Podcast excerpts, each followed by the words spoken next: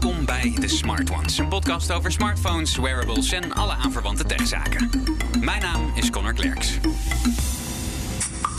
En naast mij in de studio Dimitri Vleugel, oprichter van Android World, en Gonnie van der Zwaag, oprichter van iCulture. En uh, we hebben een speciale gast vandaag, namelijk Jordi Bruin, onafhankelijke ontwikkelaar voor onder andere Apple-platforms met hey. name. Welkom Jordi. Dankjewel. We gaan uh, het straks uitgebreid over apps uh, hebben. Daarom uh, ben jij vandaag bij ons. Maar we beginnen zoals altijd eigenlijk met belangrijke nieuwsverhalen van deze week. En ik dacht, Gonnie, we beginnen bij jou. Want met iCulture hadden jullie een leuke scoop voor Nederland te pakken. Ja, twee zelfs. Eentje voor Nederland en één voor België. Nou, we beginnen bij Nederland. ja, Nederland. Hip hoi. onze ontdekking is dat de HomePod een Nederlandse taal krijgt. En dat is ja, nogal voor Apple-gebruikers nogal een grote mijlpaal. Want we hebben daar behoorlijk lang op moeten wachten. We vroegen ons ook een beetje af waarom dat Apple het niet uh, eerder heeft kunnen invoeren. Want nou ja, de Nederlandse taalbestanden bestaan al. Je kan heel veel vragen op je Apple Watch uh, al stellen. Um, daar heb je ook een heel klein schermpje. Nou, een HomePod heeft helemaal geen scherm, maar het moet niet zo heel moeilijk zijn om dan een selectie van vragen te maken die alleen voor de HomePod goed werken. Um, het zit in iOS uh, of in de software update 15.2. Die komt uh, in de loop van uh, december uit. En um, ja, dat zou wel kunnen betekenen dat de HomePod ook in Nederland te koop zal zijn. Maar hoe snel dat gaat gebeuren, weet ik niet. Dat zou ook januari kunnen worden. Hoe ben je erachter gekomen eigenlijk? Um, nou, bij de aankondiging van, of bij, de, um, uh, bij het verschijnen van de release candidate van iOS 15.2, dus dat is de laatste developer versie voordat uh, de officiële release uit is, stond uh, in de release notes dat er nieuwe talen waren toegevoegd. Dus nou, dan ga je even kijken. En we kregen wat tips binnen, dus dan ga je nog iets verder zoeken. Mm-hmm. Mm. Goed hè? Journalistiek ja, onderzoek. Toch, toch, toch, wel lekker graven. Ja. Ja. Lekker, uh, nou, lekker dit is vooral leuk omdat dit een heel rustig uh, nieuwsmoment is. Uh, er ja. komen eigenlijk geen nieuwe producten of, of diensten uit. En het is eigenlijk vrij rustig in techland. Af en toe komen er wat geruchten over volgend jaar. Maar dit is wel leuk dat het ook gewoon Nederlands is. En het Belgische nieuwtje is... Um, het werkt ook op de Belgische HomePod. Uh, alleen dan krijg je wel de Nederlandse taal. Dus de Nederlandse tongval ook. Oké. Okay. Ja. En het andere Belgische nieuwtje is trouwens dat uh, de App TV, de Siri-functie daarop, ook uh, Belgisch-Nederlands gaat spreken. Zo, zo. Dus voor de Vlamingen is er ook goed nieuws. Wat leuk.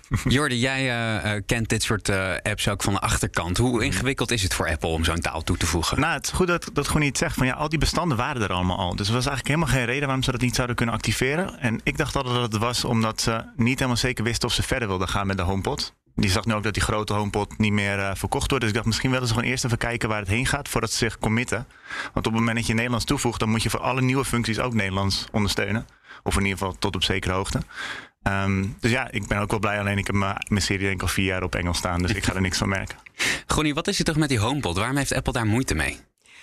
Um, ja, ik weet het niet. Ik denk dat Apple het bij de eerste variant, die groot dus iets te mooi wilde maken. Dus alleen een hele dure uh, uitgebracht. Terwijl Google en uh, Amazon uh, hele goedkope speakertjes uitbrachten. Die nou, misschien niet zo'n goede audio-kwaliteit hebben, maar die wel voor spraakopdrachten prima te gebruiken zijn. In de keuken of slaapkamer, badkamer, waar je hem ook weer neer wil leggen. Um, en Apple heeft daardoor een beetje de markt gemist. En vervolgens kwamen ze met die kleinere HomePod, uh, die heel betaalbaar is. Ik vind het ook eigenlijk qua prijs-kwaliteitsverhouding best nog goed, uh, goed product. Um, ja, dan heb je al die kleine apparaatjes al van andere merken in huis staan. Dus dan moet je al heel bewust de keuze maken van ja. ik ga nu uitsluiten voor Apple. En is, dat, uh, is er iets voor te zeggen om dat te doen? Of is het meer echt gewoon omdat je Apple gewoon een mooi merk vindt? Nou, ook wel privacy uh, gewijs uh, denk ik dat dat een uh, groot verschil maakt. Apple slaat data lokaal op en stuurt niet alles naar de servers, analyseert je gedrag niet. nou, misschien doen ze dat wel, maar in ieder geval geanonimiseerd. Um, en bouwen geen profiel van je op. Ja, daar is uh, zeker dan wel uh, wat voor te zeggen. Dim, gaan we naar jou, want het wordt nog makkelijker om geld uit te geven. Ja, dan, dat was wel heel makkelijk hoor. Want als het jou het niet lukte, help ik je er wel bij. Maar uh, de Google Pay app is eindelijk uitgekomen in Nederland. Beetje mosterd na de maaltijd. Want uh, ja, het is eigenlijk. Ja. Ah, dat heeft ook wel heel lang geduurd. Ja, maar dat is hetzelfde verhaal met, met waar jullie het net over hadden. Van waarom niet? Um, we hebben er al een miljoen keer om gevraagd bij onze vriend uh, Rashid. Maar die wist het al wel niet. Het is nu uit. Ik heb proberen in te stellen en het werkt niet. dus, ik, ik, mijn creditcard geeft je elke keer een foutcode. En ik wil mijn ABN AMRO pas invoeren. Maar dat, dat gaat helemaal niet. Want ik moet een kaartnummer invoeren. En dat heb je niet op een pinpas. Dan moet ik wel een beetje lachen, want mijn slogan is natuurlijk: It just works. Ja, het ja, it just doesn't work over here. En, eh, het kan zijn dat ik, dat ik, ik heb, ik heb hem eh, gedeinstalleerd, opnieuw geïnstalleerd, maar het lukt gewoon niet. Dus eh, ik zie ook in de store mensen zeggen die krijgen een bepaalde foutmelding eh, wanneer ze de creditcard willen verifiëren. Eh, en, maar goed, weet je, dat is ook weer de creditcardfixatie van de Amerikaanse bedrijven. In Nederland is een creditcard toch een beetje een vies ding. Je gaat geen, dat is geleend geld in principe. Dus de, ik wil gewoon mijn pinpas erin hebben. Maar goed, dat, dat, het zou moeten werken met ABN AMRO, maar ik heb het nog niet uitgevonden. En ik haat het wanneer ik niet binnen twee minuten kan zien of een app werkt. Ik benader dit soort dingen echt als consument. Mhm. Als ik niet binnen twee kliks eh, zie wat het eh, moet zijn, dan gaat het gewoon af, klaar, wegwezen. Ja, je gaat geen supportforum van Google af om te kijken hoe je dan moet doen. Nee, ja, nee ja, er staat gewoon voer een eh, heel mooi voer een eh, eh, creditcard of, eh, of een betaalpas in. En dan krijg je alleen de mogelijkheid om een cardnummer in te voeren. Mm. Ja, dat, we hebben hier IBAN-nummers. Dat is wat anders. Dus dat is, dat, dat, dat, dat is waardeloos. Nou, het punt is natuurlijk wel dat heel veel consumenten nu naar Android World gaan. Daar vragen stellen van hoe krijg ik het werkend. En uiteindelijk word je dan als website toch weer een beetje een uh, helpdesk. Ja, Nou, eh, eh, Connor wijst me net op een ander nummer. Ja, ik zit gewoon ook? even naar. Ik heb even mijn, mijn. Ik zit dan bij de ING, maar ik heb even mijn, eh, mijn pinpas uit mijn portemonnee eh, gehaald voor de eerste keer Ja, in maar maanden. die heb ik dus niet. Want ING je doet het niet. Ja, ik app. heb een pasnummer, maar eh, daar wilde ik eigenlijk wat over vragen. Want ehm, Apple, toen ze eh, met Apple Pay startte, was het exclusief voor ING. Is dat ook exclusief voor ABN met Google Pay nu? Nee, er zijn eh, meerdere banken en eh, diensten die dat, eh, die dat aanbieden. ABN AMRO, Bitpanda, Bunk, Curve, iCard, et cetera, et cetera. Maar ja, eh, ING niet. Nou, dan eh, blijven we toch nog eh, voorlopig eventjes eh, duimen totdat je eindelijk met Nou, ik kan je kaart- ik kan tegenaan. Ja, toch? Ja. Ja, dat gaat toch wel snel, hè?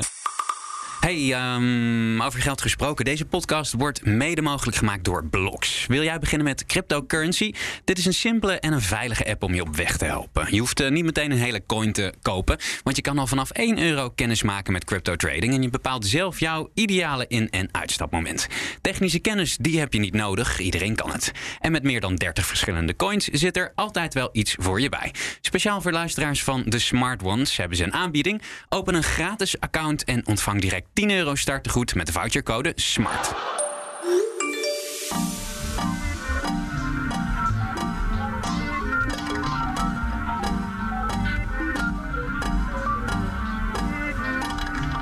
Ik heb een nieuwe app op mijn telefoon. Hij houdt zijn eigen scherm en mijn broekzak schoon. Hij zuigt stof, lapt de ramen en hij doet de vaat. Het is een app die in de top van de App Store staat. Het is de app waarover iedereen praat op straat.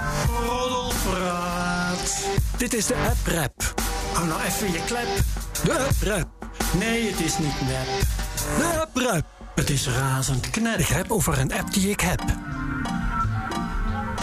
Ja, ja, niemand minder dan BNR's eigen Herbert Blankenstein met zijn app Rap uit 2018.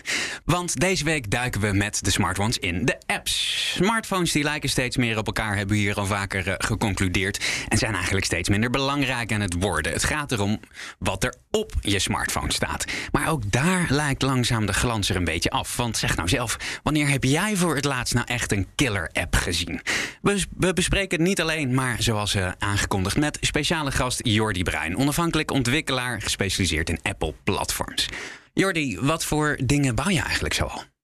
Ja, ik vind het dus heel leuk om verschillende dingen te maken. Dus eh, het hangt een beetje vanaf in welke maand je me die vraag stelt. Eh, momenteel ben ik bezig met een app die ondertiteling en live vertaling aan FaceTime toevoegt. Ehm, vorige maand heb ik een app gemaakt voor mensen die vegetarisch willen worden. Eh, van de zomer heb ik wat dingetjes gemaakt voor ontwikkelaars. Ehm, ik heb een app gemaakt voor mensen met allergieën. Dus eigenlijk kijk ik altijd gewoon wat voor nieuwe technieken zijn er. En hoe kan ik daar wat leuks mee maken. Ja, over die ondertiteling-app, daar wil ik het zo nog eventjes eh, ehm, hebben. Maar eerst eventjes terug, hoe ben je eigenlijk begonnen als appontwikkelaar? Nou, ik werkte bij een, eh, een bedrijf uit Alkmaar Triple. En dat was een, een creative agency. En daar ben ik als industry analyst begonnen voor een stage van een half jaar. En toen gingen we een half jaar later een creatieve afdeling starten. En ehm, toen had ik eigenlijk een hele goede klik met die jongen die dat ging opbouwen. Dus toen heb ik een beetje geleerd om te designen, UX te doen. En ehm, nou, dan ga je heel veel werken met ontwikkelaars. En als designer denk ik natuurlijk altijd, ik weet het allemaal beter. Dus ah, waarom duurt het twee weken? Dat kan toch ook gewoon in een dag. Ehm, dus toen dacht ik, oké, misschien moet ik toch even een beetje leren hoe dit nou werkt. Zodat ik iets zinnigs daarover kan zeggen. En op een gegeven moment ben je dan beetje je eigen appjes aan het maken. En die zijn dan niet zo heel goed. En die worden steeds beter omdat je gewoon leuk dingen aan het maken bent. En ja, vier, vijf jaar later eh, kan ik het nu gewoon ja, alsof het niks is, zeg maar. Ja. En is het, eh, het- komt dat omdat jij zoveel slimmer bent geworden? Of is het ook laagdrempeliger Ja, het is geworden een combinatie van. Ik, ik begon toen ehm, een nieuwe, nieuwe taal uitkwam, dat was Swift. En dat was een nieuwe programmeertaal vanuit Apple. En die maakte heel veel dingen gewoon simpeler qua syntax, qua hoe dingen eruit zagen. Dus het was toen voor mij heel veel makkelijker om, om te begrijpen hoe de code er überhaupt uitzag. En door de jaren heen zijn heel veel dingen die vroeger gewoon moeilijk waren, gewoon makkelijker geworden. Iets wat, wat vroeger een team van 100 man kostte, is nu gewoon twee regels code. Ja. Wat een heel team bij Apple bijvoorbeeld gemaakt heeft. Even een brutale vraag, kun je ervan rondkomen? Ja, gelukkig wel, ja. Ja, ik heb eh, begin april dit jaar gekozen om eh, te stoppen met klantwerk. Echt alleen op mijn eigen dingen te focussen. Ehm, en ja, dat, gelukkig eh, gaat dat nog heel goed. En hoe werkt dat proces? Ja, je hebt een idee voor een app en dan ga je zelf aan de slag. Hoe zien die stappen eruit voordat er daadwerkelijk iets in de App Store verschijnt? Ehm, nou, kijk, op het moment dat ik bijvoorbeeld een nieuwe API tegenkom, dan kan ik eigenlijk proberen om binnen twee uur iets werkend te krijgen. Ja. Dat is altijd voor mij een soort van test van, hey, heb, heb, zit hier iets in dit idee? Is het grappig? Zou ik het zelf willen gebruiken? En dan doe ik twee, drie dagen aan een soort ontwikkeling, zodat ik het bijvoorbeeld aan Gonnie zou kunnen laten zien of aan een vriend van me, zonder dat diegene dan continu vragen gaat, op, op, ehm, ja, gaat krijgen. En eigenlijk zou je dan in twee weken al iets kunnen maken wat je uit zou kunnen brengen. Want ik ben er wel achter gekomen, als ik te lang met iets bezig ben, dan ga je het perfectioneren en dan komt het nooit af. En dan, ja, er is altijd wel iets wat beter kan. Terwijl als je het gewoon uitbrengt en je krijgt gelijk feedback van mensen en dan ook de mensen die het gaan gebruiken. Ja, ik ben ook maar één persoon natuurlijk, dus ik, ja, misschien zie ik wel dingen over het hoofd. Ja. Ehm, dus mijn aanpak is nu gewoon zo snel mogelijk iets uitbrengen. Dus de laatste maand heb ik vier Mac-apps gemaakt die ik eigenlijk allemaal in een avondje heb gemaakt. Mhm. En allemaal 4.000, 5.000 keer gedownload zijn of zoiets. En dat is best wel, voor Mac-appjes is dat best wel fijn. Ja. Ehm, en dat had ik niet kunnen doen als ik het dan eerst een maand had uitgewerkt, zeg maar. Ik ben er wel van onder de indruk. En ik geloof ook wel dat het op die manier werkt. Dat je heel erg enthousiast moet zijn over een idee. Dan de hele avond aan gaat werken aan zo'n eh, aan zo'n app. En dat het dan ja, gewoon een eerste versie alvast klaar is. En dat je niet eerst eh, met een focusgroep of... Nee. weet Nee, ik ben, eh, ik ben het helemaal met je eens. Ik ben zelf eh, geen perfectionist. Dat zullen heel veel mensen in mijn omgeving eh, wel beamen. Maar ik hou er ook van. Je moet iets uitbrengen wat eigenlijk 70% is. Omdat je dan die laatste 30 komt namelijk uit feedback. Ja, en misschien heb je het wel compleet bij het verkeerde eind te zeggen mensen... ja, je had daar gewoon linksaf moeten gaan. Ja. Dan heb je niet zoveel tijd in gestoken. En dan kun je nog, zeg maar, eh, zonder al te veel moeite en geld... kun je nog wat veranderen. Precies, en op het moment dat je dat eerste probleem hebt opgelost, dan heeft het al waarde. Want als het voor mij een probleem is opgelost, dan is het voor jou misschien ook al handig. Ook al is het niet perfect. En Ja. Ja, ik- daar kun je alleen maar van leren, denk ik. En ehm, vooral in de, in de iPhone community, in de Apple community, zijn mensen best wel, best wel positief. Het gebeurt niet heel vaak dat ik negatieve dingen daarop terugkrijg. En natuurlijk, ik heb bugs en crashes en dat soort dingen. Maar mensen zien dat dan meer als, hey, ik kwam dit tegen. En dan Ja. gaan we het samen uitzoeken. En dan heb Ja. ik mensen die dan een uur gaan videobellen met me om uit te vogelen wat het probleem is voor een app waar ik een uur aan heb gewerkt. Heel leuk, inderdaad. Ja. Ja, ja, Heb jij nou ook dat je heel erg belaagd wordt door mensen die een geweldig idee voor een app hebben? En dat jij dat dan moet gaan dat heb ik al uitvoeren? jaren, ja. ja Heb ik net gedaan. Moet je niet Nee, doen. ja. Sorry. Ehm, op een gegeven moment kwam ik vier jaar geleden achter dat je bij die vraag al moet stellen van... Oké, ik, ik, je moet het idee gewoon helemaal vertellen. En ik ga geen garantie nee, geven dat ik niks wat je zegt ooit gebruik. Want sommige ideeën zijn gewoon zo logisch of zo... Ja, dat, daar kan je niet meer omheen op een gegeven moment. Ehm, dus ja, ideeën, dat, dat boeit helemaal niet. Ik heb duizend ideeën. Het is meer dat ik niet de tijd heb om ze allemaal te maken. Dus ik doe er twintig. Ja. Ja, maar jij, jij doet niet een opdracht, hè? Je doet Nee, echt alleen je eigen Ja. ideeën. Dat vind ik heel wel bijzonder. Ja, ja dat, eh, ik, ik ben 2,5 jaar geleden toen voor mezelf begonnen. En toen wel in eerste instantie in opdracht. En toen, ehm, toen kwam corona. En toen het project waar ik toen aan werkte, werd toen op pauze gezet. Dus toen zat ik een maandje thuis. En toen ging ik aan, eh, aan die allergie-app werken. eh, die ik ooit voor een ex-vriendinnetje had gemaakt. En ehm, ja, die kwam toen best wel lekker van de grond. En toen dacht ik, nou, waarom zou ik niet gewoon lekker aan mijn eigen dingen werken? Wat veel leuker is, omdat je die band hebt met de klant. En, of de klant met, met de gebruiker. Jezelf. Ja, nee, de, de, ge- de gebruiker zeg maar Ja. geval. Weet je. Dus het is gewoon, eh, je maakt het echt voor iemand en je ziet echt die impact die het heeft. Dat vind ik gewoon heel veel, heel veel fijner dan voor een klant werken. Het is dus bijvoorbeeld, die allergie-app is heel erg niche. Hè? En, Ja. en daar vraag ik een bepaald bedrag voor. Maar dat, dat in het geheel zet dat dus wel zoden aan de dijk. Het is, het is voor de, aan de buitenkant heel moeilijk te zien of je er Ja. wel, of geen geld mee verdient. Ja, nou kijk, dus die, die allergie-app is gewoon gratis in de store. Met, je kan drie verschillende categorieën doen. Ehm, en als mensen meer willen of ze willen specifieke dingen, dan, ehm, dan kunnen ze daarvoor betalen. Dus dat is eenmalig of per jaar of per maand. En expres, expres wat, wat goedkoper gehouden. Want ik vind het ook een beetje een soort van kwetsbare doelgroep. Dus ik wil ook niet zeg maar, over de rug van mensen met, met hele ernstige allergieën zeg maar, geld gaan verdienen. Ehm, maar het is ook het mooie van zoiets. Je zet het helemaal neer en als het goed werkt, dan hoef je daarna op zich er niks aan te doen. Ja. Ik, ik update wel, ik voeg nieuwe features toe, maar ja, dan kan je gewoon weer verder met iets anders eigenlijk als je zou willen. En dus het is een beetje die soort van small bets strategie waar ik gewoon allemaal verschillende dingetjes heb die ik gewoon leuk vind om aan te werken ook. En nou, van sommige dingen komt 50 euro per maand binnen of zoiets. Maar ja, dat heb ik dan twee jaar geleden een keertje gemaakt. Ehm, hier komt dan weer wat meer van binnen. En dus het, het varieert gewoon. Het, en ehm, ja, op die manier sprokkel ik het dan eigenlijk allemaal een beetje bij elkaar. Even heel kort, hoe werkt die allergie-app? Ehm, je- hij gebruikt de camera op je telefoon en dan richt je hem op een ingrediëntenlabel en dan highlight hij de woorden die hij niet mag hebben in, eh, in 18 verschillende talen. Met Ja. AR. Simpel, ja toch? Ja. Was, was heel makkelijk om te maken. Week, in een weekje gebouwd. Ja, Omdat ja, ik ja. gewoon Jij wel. allemaal mensen bij Apple hebben hele slimme, hele slimme dingen gemaakt. Waardoor dat voor mij gewoon A met B, C, D en E combineren en dan ben je er. Oké, heel goed. We hebben het vandaag eh, een klein beetje over eh, ehm, killer apps, of eigenlijk de dood van de killer app. Want een aantal jaar geleden eh, had je nog wel echt dat apps een beetje viral gingen. En dan was er een nieuw spel zoals Monument Valley, wat op een gegeven moment zelfs in House of Cards zat. En dat iedereen op iOS aan het spelen was. En veel verder terug hadden we een beetje van die grappige apps op de eerste Android-telefoons met een bierglas wat je leeg kon drinken. Dat soort dingen. Gonnie, wat is de laatste app waar jij echt hyped over was, die echt een ding was? Eh, nou, hij is ondertussen al niet meer zo hyped. Maar eh, mijn, eh, ja, mijn laatste ja, killer app was eigenlijk Clubhouse. En dat kwam een beetje omdat eh, je kon er alleen op uitnodiging lid van worden. Dus dat geeft dan een beetje zo van, oh, ik ben speciaal als ik het mag gebruiken. Clubhouse is een app waarmee je in een soort audioroom met allemaal mensen over een thema kunt praten. En het leek me heel erg leuk, maar ik was er ook heel erg snel weer op uitgekeken. Ja, en de wereld met jou. Hè? Ik geloof dat er nu alleen maar marketinggoeroes tegen marketinggoeroes aan het eh, Precies, praten ja. zijn over hoe je Coaches. seminars over marketinggoeroes eh, moet eh, voorbereiden en geven. Dim, wat is de laatste app waar jij echt van dacht: wauw, dit is gaaf en nieuw? Nou, ik heb er vannacht van wakker gelegen. Ik, ik, ik kan het Niks echt niet zeggen. Nee, weet je, Het moet kijk, TikTok zijn? Ja, maar, maar TikTok, het, bij TikTok gaat het niet om de app. Het gaat om de content die door makers gemaakt wordt. Dus dat kan elke andere app zijn. Dus dat, dat, dat- die waarde zit niet in die, in die app. Ik bedoel, voor ons is het algoritme erachter is natuurlijk super interessant.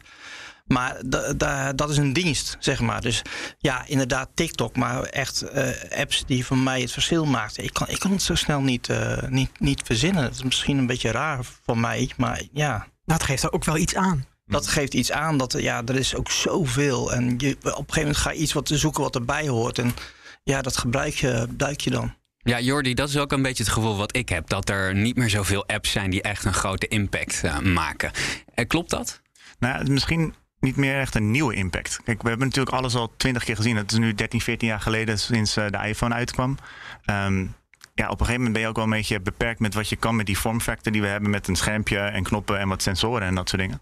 Dus ik denk dat je het nu de laatste jaren veel meer ziet in de uitwerking van hoe, we, hoe doet een bepaalde app het. En dat je veel meer variaties krijgt. Bijvoorbeeld, je hebt nu 20 podcast apps die allemaal precies aansluiten op hoe jij podcast luistert. Of Ja. ehm, een Ja. fotofilter app die dan op een andere manier werkt en Ja. beter aansluit of zo. Nou, nou, wat je ziet is dus dat eh, veel apps zeg maar, in de app uitbreiden. Dus eh, een goed voorbeeld vind ik eh, Google Maps. Die heeft heel veel leuke uitbreidingen gekregen. Heel veel verbredingen. eh, augmented reality, dat je eh, op de straat kan projecteren, wat super handig is. Ehm, ehm, dat, dus, en, eh, Instagram was eerst alleen een fotootje, filtertjes en nu ook eh, eh, stories Ja. erbij. Daar zie je meer innovativiteit, moeilijk woord. je daar- Innovatie. innovatie. Ja. Ja, sorry hoor. Eh, maar de, de innovatie zie je daarin verschijnen, inderdaad. En, en, en, en, maar niet meer zozeer in andere apps. Omdat, ja, hoe val je op binnen dat woud van. eh, want je ziet het ook op Facebook, hè? Die, die gooien heel veel spaghetti tegen de muur qua apps. Dat vind ik nou een hele goede vraag voor jou, Jordi. Hoe val je op als jij een app gemaakt hebt? Hoe krijg je hem aan de gebruikers? eh? Nou, ik heb net een, ik heb net een eh, spoedcursus ehm eh, persbenaderd gekregen van Dimitri hier ook. Ehm, nee, wat voor mij altijd de truc is, is om, een, om één soort feature te maken die heel erg opvalt en die je echt in vijf seconden laat zien wat het is. En als je dan een heel simpel filmpje maakt, dan, dan helpt dat vaak al. Dus ik gebruik eigenlijk gewoon Twitter en dan post ik daar gewoon op. En ik, ik, terwijl ik aan het ontwikkelen ben, deel ik ook mijn, mijn progressie, waardoor je veel feedback krijgt van mensen. En dan wordt het al een beetje bekend. Maar ja, dat, ik heb 3000 volgers of zo, dus het is niet zo dat ik daar heel veel mensen mee bereik. Nee, maar jij met die, met die allergie. App maak je iets voor een niche. Dus daar, eh, zeg maar, de word of mouth is daar heel groot. Dus Ja. dat is super slim. Ja, en wat ik dus daar toen mee deed, is echt, ik had in een week de eerste versie gemaakt en in een Facebookgroep gepost voor mensen met pindaallergieën. Gewoon, Ah. gewoon facebook.com en dan gewoon pindaallergieën. En toen kreeg ik, nou, ik denk in een week 500 aanmeldingen voor de Ja. wachtlijst, zeg maar. En Wauw. dat zijn ook allemaal mensen die heel veel feedback geven en dan gaat het. Ja, op een gegeven moment gaan die mensen het ook weer natuurlijk in hun groepen Ja. doorbrengen. Ja. Maar ik heb nog niet de, de perfecte formule voor hoe je nou ehm, voor elke app zeg maar, veel aandacht kan krijgen. Behalve gewoon de communities opzoeken waar het voor is en daar gewoon eh, in integreren, zeg maar. En gewoon ja, onderdeel van worden. Ja, nu ben je bezig met iets nieuws, een app die heet Navi. En ik ben er alvast enthousiast over wat ik ervan van gezien heb. Kun je in het kort vertellen hoe die werkt? Ja, nou, Apple heeft deze zomer uh, SharePlay aangekondigd. Waarmee je eigenlijk um, in FaceTime gesprekken samen dingen kan doen. Dus eigenlijk samen spelletjes kan kijken, muziek kijken, uh, luisteren, films kijken. En toen, um, toen dacht ik, ja, kan, kan we daar ook niet iets anders mee doen? Um, namelijk ondertiteling creëren voor FaceTime. Dus ik heb nu eigenlijk iets gemaakt waarbij als je een FaceTime gesprek hebt met iemand anders, dan kan je live zien wat die ander zegt. Dus dat is bijvoorbeeld handig voor mensen die slecht kunnen horen of doof zijn. Um, en toen dacht ik, ja, maar als ik die tekst heb, kan ik het ook vertalen. Dus nu kan je eigenlijk ook gewoon live vertaling doen. Dus als ik in het Nederlands met iemand praat die Spaans praat, ziet hij of zij het in het Spaans. En ik zie zijn of haar tekst in het Nederlands. Um, ja, en dat is eigenlijk gewoon heel gaaf. En dat werkt gewoon heel leuk. En ook weer zo'n voorbeeld van, oh, kwam een paar technieken tegen en die combineer op een interessante manier. En dan komt er gewoon iets heel nieuws, moois uit. Dus um, ja, en echt superleuke reacties ook van mensen uit die communities natuurlijk. Die zeggen, oh, ik kan nu opeens gewoon met, me, met mijn familie gaan praten. En die gaat, kan ik gewoon zien wat, wat te zeggen. Ja, want voor mij als totale leek, als het op ontwikkelen aankomt, denk ik, ik hoor um, bij FaceTime moeten dingen ondertiteld worden. En dan gaat het ook nog eens vertaald worden. Dan zou ik denken, je moet dus op een of andere manier een code gaan schrijven die uit FaceTime die tekst kan halen ja. en dan ook nog code schrijven die dat allemaal kan vertalen. Maar dat heb jij allemaal helemaal niet zelf hoeven doen. Nou, ja, wat Gonnie net zegt, Apple is natuurlijk heel erg op de privacy, dus je kan niet vanuit FaceTime even dat geluid ophalen. Um, dus eigenlijk wat ik doe is aan de kant van de zender haal ik de, de tekst op van wat jij zegt en dat wordt dan via die um, encrypted, um, wat het Nederlandse woord voor encrypted. Versleuteld. Versleutelde verbinding doorgestuurd, waardoor het eigenlijk dus allemaal nog private is, zeg maar. Um, maar ja, dat, dat is gewoon uh, de fundering die al, al jaren staat van oké, okay, de microfoon uit kunnen lezen tot tekstherkenning kunnen doen op basis van spraak. En dat, die dingen die zijn nu gewoon zo simpel. Dus ik, ik, ik echt, het eerste ding had ik in 12 uur werkend. Dus dat was echt wow. de dag nadat het aangekondigd. Het is echt heel bizar hoe snel dat nu allemaal gaat. En heb je dan, uh, als je zoiets maakt, ook contact met Apple zelf? Uh, met, deze heb ik sinds, uh, sinds de zomer wel contacten mee. Ook omdat um, ze, hebben, ze hebben nadat WWDC, wat hun grote ontwikkelaarsconferentie is, hebben ze een aantal kleine sessies gedaan waar je dan ja, één op één maar, dieper erop in kon gaan. En ze zijn natuurlijk ook op zoek naar toepassingen voor die nieuwe techniek om te snappen hoe mensen het gebruiken en waar developers tegenaan lopen. Um, en ook op het moment dat het natuurlijk aansluit bij hun andere doelen. Ik weet natuurlijk niet per se wat Apple de komende jaren wil doen, maar um, accessibility is een groot ding bij hun, dus dit sluit daar mooi bij aan. Um, dus ja, het is in hun voordeel om mij te helpen om de app beter te maken. En het is mijn voordeel natuurlijk om die contacten te hebben en, en daar verder over te praten. Ja, want binnen de, de App Store zijn natuurlijk, uh, denk ik dat ik wel kan zeggen, miljoenen apps. Ja, een stuk of 2 miljoen. 2 miljoen apps. Daar, daar, daar wil je dan ook nog zeg maar opvallen. Dan kan ik me voorstellen dat het wel handig is als je een lijntje hebt met Apple. Of werkt dat helemaal niet? Nou, tot op zekere hoogte helpt dat soort, helpen dat soort dingen. Maar Apple is zo'n groot bedrijf dat ja, als jij in contact hebt in land A, dat betekent niet dat je in land B of C of D uh, iets daarmee bereikt. Maar ja. um, Apple heeft een aantal formulieren die je kan invullen om je app onder de aandacht te brengen bij, bij editors van de App Store. Wat ook geen garantie is, want daar krijgen ze er duizenden van per dag. Ja, wat ik wel weet van andere ontwikkelaars, bijvoorbeeld Sebastian de Wit uh, van uh, de Highlight app, is dat als je eenmaal op een lijstje staat bij Apple, want Apple wil graag dat je de allernieuwste technieken laat zien, want dan kunnen zij weer mooi laten demonstreren van kijk hoe fantastisch dit werkt. en Sebastian is bijvoorbeeld iemand die als er weer nieuwe functies aangekondigd worden, dan stoppen ze het snel in hun app en dan word je weer gefeatured in ja, een verhaal. Ja. Dus als je eenmaal in dat circuit zit, dan kom je ook in de lijst met beste design van het jaar en dat soort dingen. Ja, ja dat helpt zeker, want het, het is voor Apple heel erg belangrijk dat die nieuwe technieken naar voren komen. Dus als jij daar iets mee hebt, dan is dat voor hun een makkelijke reden om je te featuren. Of in ieder geval om, om je mee te nemen in persdingen of iets dergelijks. Ja. En um, jouw iPhone, hè, vraag ik me af. Ziet hij er heel anders uit dan de mijne? Omdat jij developer bent, kun jij daar heel, hele andere dingen op dan, uh, dan ik? Of andere dingen kan zien? Of is het eigenlijk gewoon nou, een iPhone zoals oh, ik hem heb? Ik denk 99% is hetzelfde. Behalve dat ik er dus wat apps op heb staan die ik alleen kan installeren omdat het mijn ontwikkelaar-account ja. is. Um, ik kijk ook van, nou, gewoon niet zijn er dingen die ik zou kunnen doen, tenzij ik hem jailbreak of zo. Maar... Um, nou, je, je kan sinds kort uh, ook apps ontwikkelen op je iPad natuurlijk. Oh ja, ja. ja, dus dat is nu ook niet meer exclusief. Nee, ik heb, nee. Ik, nee we zijn helemaal hetzelfde. Wat me wel opvalt is dat jij heel weinig schermen hebt. Dat heb ik ook, omdat ik al die tussenschermen heb verborgen. Ja, ik ook. Oh, ja. ja. je hebt gewoon te veel. Ja, en ja dat is ook, mijn probleem. Als je een promo-videootje wil maken, dan wil je gewoon... Ik, ik laat nu van mij van zien met één app op het scherm. Als je een promo-video wil maken, wil je niet dat er ook tien andere apps staan. Dat is gewoon rommelig en dat soort dingen. En ik probeer eigenlijk zo min mogelijk ook mijn telefoon te gebruiken eigenlijk. Um, dus ik vind het ook wel lekker minder afleiding te hebben. Ja, heel goed. Wat zijn eigenlijk jouw favoriete apps? En dan wil ik even apps horen die je niet zelf gemaakt hebt. Um, ja, ik, ik, gebruik een app Apollo. En dat is een, uh, een app voor Reddit. Reddit is een, uh, een grote social media website. Maar dit is dan gemaakt door een Indie ontwikkelaar. Gewoon één jongen uit, um, uit Canada volgens mij. Die er al acht jaar aan werkt. En ook echt met die community het gemaakt heeft. En die ervaring is zo gericht op gewoon het zo lekker mogelijk maken. En omdat hij geen, hij hoeft geen advertenties te tonen. Het is gewoon, hij, hij verdient er gewoon op andere manieren aan. Dus die ervaring is gewoon heel erg lekker. En ehm, ja, daar ben ik zelf wel gewoon heel blij mee. Ik merk dat ik daar wel echt heel veel uren op zit. Omdat dat is gewoon ook mijn plek om informatie te verzamelen, informatie te consumeren, gesprekken aan te gaan met andere mensen. Ehm, dus dat is denk ik wel mijn meest gebruikte app. Uh, ik zit even te kijken of er nog iets is van de laatste weken. Nee, ik, ja, ik, ik, ik gebruik dus zelf niet zo heel veel apps. Dat is gewoon, ik Mhm. probeer juist zo min mogelijk die dingen te hebben. Dus ik probeer dingen te maken die je maar kort hoeft te gebruiken ook. Ehm, Nou, het staat haaks eigenlijk op wat eh, de grote bedrijven doen, toch? Die willen je zo lang mogelijk in hun app houden. ja, ik zou dat zelf niet chill vinden als een bedrijf dat bij mij doet. Dus ik probeer dat ook niet te doen. Mm. Nou, dat is wel sympathiek. Hey Dim, jullie hebben bij eh, Android World ook een appvraag voorgelegd aan jullie Ja. community. Ja, ik denk, ja, ik kan het zelf verzinnen. Ik ga het gewoon vragen. De eerste vraag die ik gesteld heb: van hoe vaak installeer je nog een nieuwe app op je, op je smartphone? Mijn verwachting was dat dat maar één keer in het kwartaal zou zijn. Maar goed, dan zie je toch dat eh, onze lezers iets meer tech-minded zijn. Eh, eh, meer dan de helft doet het zeker één keer eh, in, de, in de maand. Dus dat is best wel veel. Eh, nee, 14% doet het zelfs elke week. Dus mensen proberen heel veel dingen uit. Ik ben totaal niet zo, maar mensen proberen heel veel dingen uit. Eh, de tweede vraag die ik gesteld heb is van... welke app heb jij het afgelopen jaar ontdekt... en vind je echt het vermelden waard? Dus daar heb ik ongeveer duizend antwoorden op gehad. Dus het is enorm moeilijk om daarheen te scrollen. Maar er komt heel vaak Flitsmeister terug. Flitsmeister is een Ja. Nederlandse app die onwijs populair is. Eh Komoot, dat is een app waarmee je routes kan vinden om, je, om eh, te fietsen. Zeg maar ook met je mountainbike. Eh Strava komt ook heel vaak terug. Eh, Too Good To Go komt heel vaak terug. Dus, Ah, ja. dus, dus dat, dat vond ik wel leuk. Dat is toch een heel, een heel mooi nobel streven. Ja, duurzame app is dat, hè? Dat je bij winkels kun je een Ja, soort mandje met Ja. producten die anders weg moeten worden gegooid, goedkoop ophalen. ja. Veel, toch veel apps zoals Coinbase, Bitfavo, Stokart. Een aantal to-do-apps. En Duolingo komt heel vaak door. Hè. Wat wel, als je er zo heen dus scrolt, dan zie je toch dat het ook wel een beetje te maken heeft met mensen veel thuis zitten. Dus ze gaan een taal leren. To-do-apps, omdat je jezelf moet, hè, dingen moet schrijven wat normaal op kantoor gebeurt. Eh, meer gaan sporten. En ook wat meer eh, met, met, met, ja, met, met die digitale coins. Mensen hebben nu een beetje iets meer tijd om daarover eh, over na te denken. Dus het was wel, was wel leuk om dat, om dat te zien dat daar toch een bepaald ehm, ja, een bepaalde lijn in zit, zeg maar.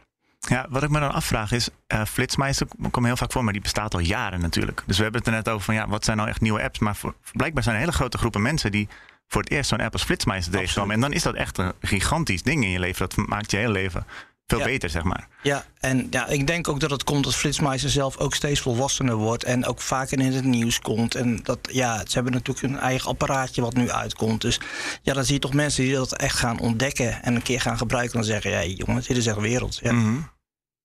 En eh, ik kan me goed voorstellen, Jordi, dat, eh, dat er wel een aantal luisteraars zijn die denken: nou ja, zo'n app bouwen, dat lijkt me eigenlijk ook wel wat. Hoe begin je daarmee?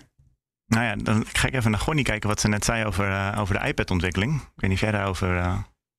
eh, voor het Swift Playground. Nou, Apple heeft net een, eh, een nieuwe app op de iPad ehm geüpdate, waarmee je eigenlijk heel makkelijk kan leren programmeren. Ehm, dus dat zou een, mooie manier zijn voor iemand die, die niet helemaal gelijk erin wil, wil gaan, maar eerst wil kijken of het überhaupt interessant is. Ehm, en daarna is denk ik een kwestie van eh, gewoon op YouTube een tutorial eh, intypen. Er zijn heel veel video's waar je gewoon in drie uur tijd from scratch naar een eerste app. En dat is geen fantastische app, maar dan weet je gewoon een beetje wat de tools zijn waar je mee, moet, mee aan de slag gaat. En op het moment dat je nou eenmaal dat hebt opgebouwd, kan je gewoon kijken, oké, wat als ik nou dit kleurtje groen wil maken? Of wat als ik hier een knop wil maken die daar naartoe gaat? En daar zijn gewoon heel veel tutorials nu voor te vinden, allemaal gratis. En eh, ja, ik, ik denk dat ik eh 80 Google searches doe per dag. En dus dat zijn dezelfde searches die mensen ook gewoon kunnen doen als, eh, Ja. als ze nog beginners zijn. Ja, het klinkt allemaal heel erg goed. Eh, en ik geloof ook wel dat er... Er zijn genoeg voorbeelden van mensen waarbij het gelukt eh, is. Maar ik heb ook Swift Playgrounds eh, gebruikt. En ik heb in het verleden, tijdens mijn studie, heb ik Pascal geleerd. Zo oud ben ik al. En C++ moesten we ook nog leren. Prolog ook nog. Maar toch heb ik een soort... Ja, er is toch een soort hobbel waar je overheen moet. Want je kan inderdaad wel die puzzeltjes oplossen. En dan kan je een poppetje van A naar B laten lopen. Maar dan die stap om echt je eerste app uit te Ja. brengen... dat is toch nog wel dan, een dan, ding. dan ken je wel de concepten, zeg maar, maar om ze dan te gaan toe, toe te passen voor een app is weer een tweede ding. Ja, en dan komt het misschien ook wel op een stukje creativiteit Ja, eh, komt het uit. Van, Precies. Heb, je een, heb je een goed idee? Heb je een idee over hoe dat dan zou moeten werken? Want het, het is natuurlijk helemaal niet leuk, anders ben je gewoon een soort wiskundepuzzel aan het doen. Dat is helemaal niet, dat is niet leuk. Ehm, dus daarom probeer ik altijd aan te raden, oké, maak iets heel kleins en gewoon zeg maar, wat is gewoon het probleem dat je voor jezelf wil oplossen? Ga niet, al die andere dingen zijn allemaal niet belangrijk. Je hoeft het niet aan iemand anders te laten zien, het moet gewoon voor jou werken. Ehm, en dat, dat hielp voor mij op het begin. Ik had op een gegeven moment gewoon dus een, een code van in de oude taal. En die had ik gewoon links staan. En op mijn rechterscherm had ik een leeg scherm. Toen ging ik gewoon scherm voor scherm gewoon namaken. En dan gewoon leren, oké, wat, wat doet dit knopje?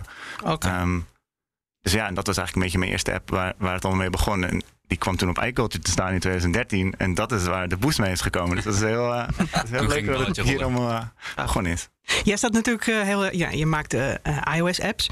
Maar kan je die apps ook meteen overzetten naar Android? Of is dat nog een hele hoppel? Nou, ik heb dus voor het laatst, laatst voor het eerst een, een Android-app laten maken samen met iemand anders. Ehm, ik, heb, ik heb het een avond zelf geprobeerd. En toen dacht ik, ja, heb ik echt zin om hier nu de komende maanden al mijn energie in te gaan steken? Want dan begin je gewoon weer op, op, op nul, zeg maar. Je moet dan alles weer opnieuw opbouwen. En gewoon de, de vaktermen, zeg maar, over hoe je een bepaald concept beschrijft in, in een code. Ja, dat, dat kwam ik gewoon niet uit.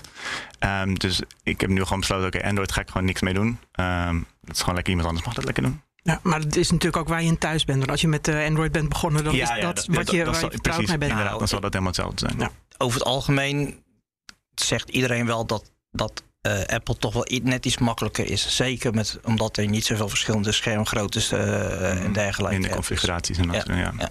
Ja. vooral tegenwoordig omdat je allemaal van die nieuwe talen hebt. Ook voor Android, hoor, waar, je het één keer maakt. En dat het dan op alle verschillende soorten apparaten goed Ja. werkt. En dan moet je nog wel dingen aanpassen en zo. Maar Ja. het is een kwestie van tijd voordat het eh, triviaal is bijna zeg maar, om hem over verschillende platformen te maken. Is het financieel een goed idee om voor iOS te kiezen in plaats van Android? Ja, van wat ik heb gezien de afgelopen jaren in. eh, het is natuurlijk lastig omdat je, krijgt- je krijgt een bepaalde analyse door, door experts en zo. Maar ehm, over het algemeen zijn iPhone en Apple ontwikkel, ehm, gebruikers iets meer geneigd om, eh, om te betalen voor dingen. Ehm, ze hebben ook een telefoon gekocht die over het algemeen drie, vier keer duur is als een gemiddelde Ja. Android-telefoon. Dus daar, daar zit ook al natuurlijk wat correlatie in. Maar uiteindelijk komt er nog steeds op neer, ja, niemand betaalt voor apps. Dus als je een app betaald maakt, dan moet je ervan uitgaan dat je 1% van je, van, je, van je users gaat krijgen. En dat kan een keuze zijn. Maar ehm, ja, eh, als je toch bereik wil hebben, dan, dan moet je hem sowieso gratis maken met een in-app een purchase of een subscription. En je ziet de laatste jaren die trend naar, naar ehm, abonnementen. Dus dat je per maand, per jaar betaalt. En niet iedereen is daar even enthousiast over. Dus dat, dat is ook wel vaak een reden dat je dan slechte recensies krijgt als je dat doet. Dus ik doe vaak ook wel een eenmalige betaling erbij die dan anderhalf of twee keer het jaarbedrag is, zeg maar. Ehm, dus ja, het, het is altijd een beetje spelen. En da- daarom vind ik het ook wel fijn dat ik niet op één ding gericht ben. Dan kan ik gewoon, nou, dan maak ik die even wat goedkoper. Dus ik had, ik had laatst een hardloop-app. Die had ik twee jaar, twee jaar lang voor 2 euro in de store. Dan had ik twee, drie downloads per dag of zoiets. En toen maakte ik hem gratis laatst. En toen had ik 40.000 downloads op één dag. Heel bizar. En omdat er allemaal van die sites zijn die dan kijken van... hey, zijn, is deze app gratis geworden? En dan wordt die gepusht. Ehm, Ja, maar dat is ook wel, even over strategie, ook wel heel slim. Nu tijdelijk gratis. Dan kom je toch op een site van ons te staan. mhm. En daar kun je toch wel heel veel first-time users mee binnenhalen. Dus dat is ook wel een eh, tip. We Ja, hadden vroeger een rubriek eh, tijdelijk gratis op zondag. Ah, ja, Wij zijn nog mee steeds, gestopt ja. omdat het op een gegeven moment kwamen steeds dezelfde apps terug. Ja. Maar- het is een soort eh, eh, wave is het. Hè? We hebben Mhm. een tijdje was het apps heel veel minder, minder interessant. Nu komt het weer op. Hetzelfde met wearables. Was een tijdje niemand keek er meer naar. Nou opeens is iedereen wel helemaal hyped over horloges en dergelijke. Dus een soort ook Mhm. golfbeweging die er is. Jordi, kijken we nog één keer naar, eh, naar de killer app. Eh, zitten we nu qua apps in een soort interbellum? Zijn we aan het wachten op de volgende technologische breakthrough? Zodat we weer echt spectaculair vernieuwende apps eh, Ja, gaan ik, zien? ik, ik denk het bijna wel. Tim had het net over dat je bijvoorbeeld in Google Maps nu met AR dan kan zien waar je, waar je naartoe gaat. En dat kan met Apple Maps ook tegenwoordig. En ja, dat is echt typisch zo'n ervaring die het ziet er wel leuk uit, maar het is eigenlijk niet gemaakt voor je telefoon, voor dat schermpje wat je in je zak doet. Dus er komen ooit misschien brillen en, en AR-achtige dingen. En, en dan kan je natuurlijk weer heel veel nieuwe ervaringen maken. En ook verder voortborduren op ervaringen die we nu al hebben. Uh, maar dan wordt het wel weer een punt dat, dat je opeens iets kan doen wat daarvoor nooit mogelijk was. Ja. Dat ik nu naar jou kijk en dan bijvoorbeeld iets boven jou ziet hangen wat te maken heeft met wie jij bent of hoe je eruit ziet. En daar kan je 30, 40 verschillende briljante ideeën op, op bedenken, zeg maar. Gaan we even heel erg speculeren. Hè? Maar volgend jaar komt die AR-bril van Apple. Dat weten we nu vrijwel zeker. Wordt dat voor jou als ontwikkelaar nou heel erg leuk? Of denk je dan, shit, dit kan ik helemaal niet? Ja, nee, maar dat, dat, ja, dat is waar ik, uh, waar ik oh, daar kijk ik heel erg naar uit. Big smile. echt, eh, ik zie een big smile. Ja, maar dat is zeg maar op, op het moment dat je dan zo'n nieuwe techniek in je handen krijgt en dan gewoon kan zien wat je ermee kan doen en, en waar de grenzen zitten en hoe je, hoe je dat kan rekken, zeg maar. Net als um, net bijvoorbeeld met dat, dat ondertiteling. Ja, die techniek is niet gemaakt om ondertiteling voor FaceTime te maken. Het is gemaakt om samen films te kijken. Maar als je dat dan op die manier. In, ja, dat, dat gaat hier keer twintig zeg maar worden. Ja. Ik ben alleen een beetje bang dat die bril er gewoon niet. Die eerste versie er gewoon niet heel leuk uitziet. Zeg maar. Dus ja, dan moet ik zo'n bril op gaan doen. Ik wil juist minder techniek in mijn leven. Dus ik vind dat nog een beetje. Maar waarvoor wacht je dan op Apple? Want er zijn natuurlijk al VR-brillen. Nou, ik, ik, ik heb een paar, jaar geleden, een paar jaar geleden toen met die, die eerste Oculus Rift um, gekocht. Daar hebben we dingen ook mee gemaakt. En ja, dat was dan leuk tot op zekere hoogte. Maar ik merkte het gewoon, het, het, was niet... eh, voor meer dan een maand kon ik er niet heel enthousiast over worden. Omdat het echt, die moest Dirk dat ding op gaan doen. En het was allemaal een beetje buggy nog. En nu heb ik dan die Oculus Quest. En ja, dat is ook wel, wel leuk. Maar omdat je, ja, je bent zo afgesloten van al het andere. En dat wil ik eigenlijk gewoon helemaal niet. Dus daarom hoop ik ook dat het iets is wat, wat, wat niet zo prominent aanwezig is. En juist wat op een subtielere manier je leven kan verbeteren. En dan kan je ook subtiele toevoegingen maken. En dat past ook beter bij dat ik gewoon in mijn eentje dingen maak. En niet allemaal gigantische dingen hoef te doen. Cool. En dan blijven we even bij eh, de hardwarehoek. Want Dim, je hebt vandaag eh, bij je een uh, grundlige headset Ja, van zo. Teufel. Tor van Teufel. Eh, ja, Teufel. Ja, Teufel is eh, even voor de, voor de mensen die het niet weten een, een bedrijf uit Berlijn. En die maakte tot een aantal jaren geleden eh, maakte die eigenlijk gewoon hele mooie boxen, versterkers en dergelijke voor de echte audiofiel. Ja. En ik weet nog dat ze naar Nederland kwamen, toen werden ze hier geïntroduceerd. Toen kwamen echt die bouwers van die boxen, die kwamen mee. Er waren allemaal mensen met een dikke buik, eh ruitshirt en bretels. Dat was echt fantastisch. En die mannen konden zeer gepassioneerd praten over dat ze een bepaald schotje 2 mm naar links hadden gezet, waardoor de audioervaring beter werd. Ze, hebben, ze maken nu dus ook eh, consumentenelektronica en dit is de, de Real Blue. Die hebben ze in twee versies uitgebracht. Het is een over-ear headphone. Ehm, ze hebben hem in, eh, met ANC, Active Noise Cancelling, uitgebracht en zonder. Ehm, ik heb hem met Active Noise Cancelling. Ehm, ik heb hem nu eh, twee dagen op. wat ik super fijn aan deze koptelefoon vind, hij is heel licht. Dus je krijgt niet van die zweetoren. Ehm, Even ze mij, hè? ja, eh, je krijgt van die Ah, ja. zweetoren. Ehm, hij, hij drukt niet op je, op je hoofd. Dat is heel fijn. Eh, nou ja, de, de app die erbij zit, die is echt die is gewoon simpel. En daardoor ook best wel oké. Je kunt heel makkelijk, eh, heel snel ook active noise cancelling uitzetten. Transparantiemodus zit erop, wat ik geweldig vind. Want ik, kijk nooit uit als ik oversteek. Dus dat eh, vind ik heel belangrijk. En het meest briljante is de joystick.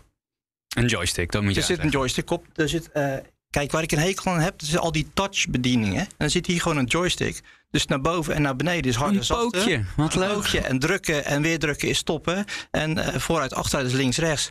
Maar dat is toch gewoon briljant? Dat is inderdaad, Want, dat is want als je loopt, heel leuk. al die touchdingen, ik word er knettergek van. Of die kleine knopjes, dit werkt gewoon. Punt. En dat- dan is het voor mij, is dit al gewoon een geweldig product. Want we willen natuurlijk alles met touch hebben en dit. Maar dit werkt dus gewoon. Zeker als je altijd moet voelen. Nu heb je echt een, een pukkel waar je aan zit. En dat is echt, eh, dat is echt eh, ik, jullie mogen even een pukkel voelen. Is, is helemaal te gek. Nou, dat ding kost 229,99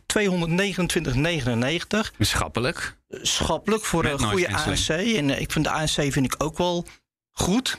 Ik denk dat er misschien wel beter zijn, maar voor mij was het echt prima. Voor Als je- prijs is het Ja. is pra- praktisch de prijs. eh, daar, daar kun je ook in-ears verkopen met Active Noise Cancelling. over-ears zijn Ja. toch meestal bij, als ze uitkomen, zo eerder richting de 400. Hè? Hij is ook verkrijgbaar zonder ANC. Is hij 169,99. En ze hebben hem in zwart, pearl white en steel blue. Maar- ik vind het echt een goed product. En ik vind Teufel ook wel mooi, want ze, ze, ze liggen niet in de winkel. Hè. Je moet het altijd op hun website kopen.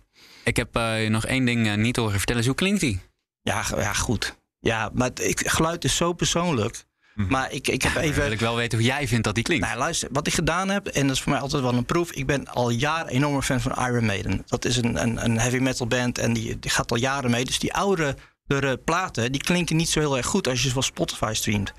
Maar via die eh, Bluetooth 5.0 en, die, en al die APX dingen. eh, ja, klinkt het echt geweldig op, mij, op, op deze headset. Natuurlijk, al die, al die nieuwe techno en dergelijke, dat klinkt van zichzelf wel goed. Maar de bass is heel lekker en je kunt ook eh, verschillende profielen instellen. Bijvoorbeeld voor techno, maar die kun je ook met, mooi met een, een schuif weer aanpassen. Dus dat, ja, ik vond het echt eh, prima. Niet overdreven, zo'n harde bass of heel hoog. Dat is gewoon, ja, ik ben geen audiofiel, ik wil gewoon lekker luisteren. En dat is Nou. voor mij was het prima. Ja, dus een, eh, een, een, een goede headset, redelijke Ja. noise cancelling hoor Ja. ik. En eh, een hele schappelijke prijs. Dus ik denk dat jij hem wel wil hebben. Ik, eh, ik, wil- het is een, eh, ja, eh, een tien op de schaal van hebben. Ja. Alright, ja, dat brengt ons eh, helaas alweer eh, aan het eind van eh, aflevering 11 van de Smart Ones. Sowieso heel erg bedankt, Jordi Bruin, voor Ja, je tuurlijk, komst. En hopelijk tot een volgende keer. En ook nog een speciale shout-out naar onze Vlaamse luisteraar Dieter... die een leuk berichtje stuurde dat hij graag naar de Smart Ones luistert. Ehm, ja, mocht jij nou zelf een berichtje willen sturen... of heb je een vraag die je bijvoorbeeld graag zou willen... die wij kunnen gaan beantwoorden... ja, schroom dan niet, stuur ons gewoon een berichtje via Twitter. Je hebt Dim, Gonnie en voor mij is het iets ingewikkelder, Connor Klerks. Maar uh, ja, we lezen ze. Hartstikke leuk. En vind je dit uh, een fijne podcast? Deel hem dan vooral met je vrienden of laat een uh, review achter. En ja, natuurlijk like en subscribe. Tot volgende week. Hij weet wat ik zoek en hij zoekt wat ik wil. Wat hij vindt kan ik kopen en ik koop me scheel. En hij wijst me de weg naar Tietjerkster Radeel. Weet ik veel. De. Noem mij een pil met app. Uprep. Wie is Johnny Depp? Uprep. Zeg, hoe laat is het app? App.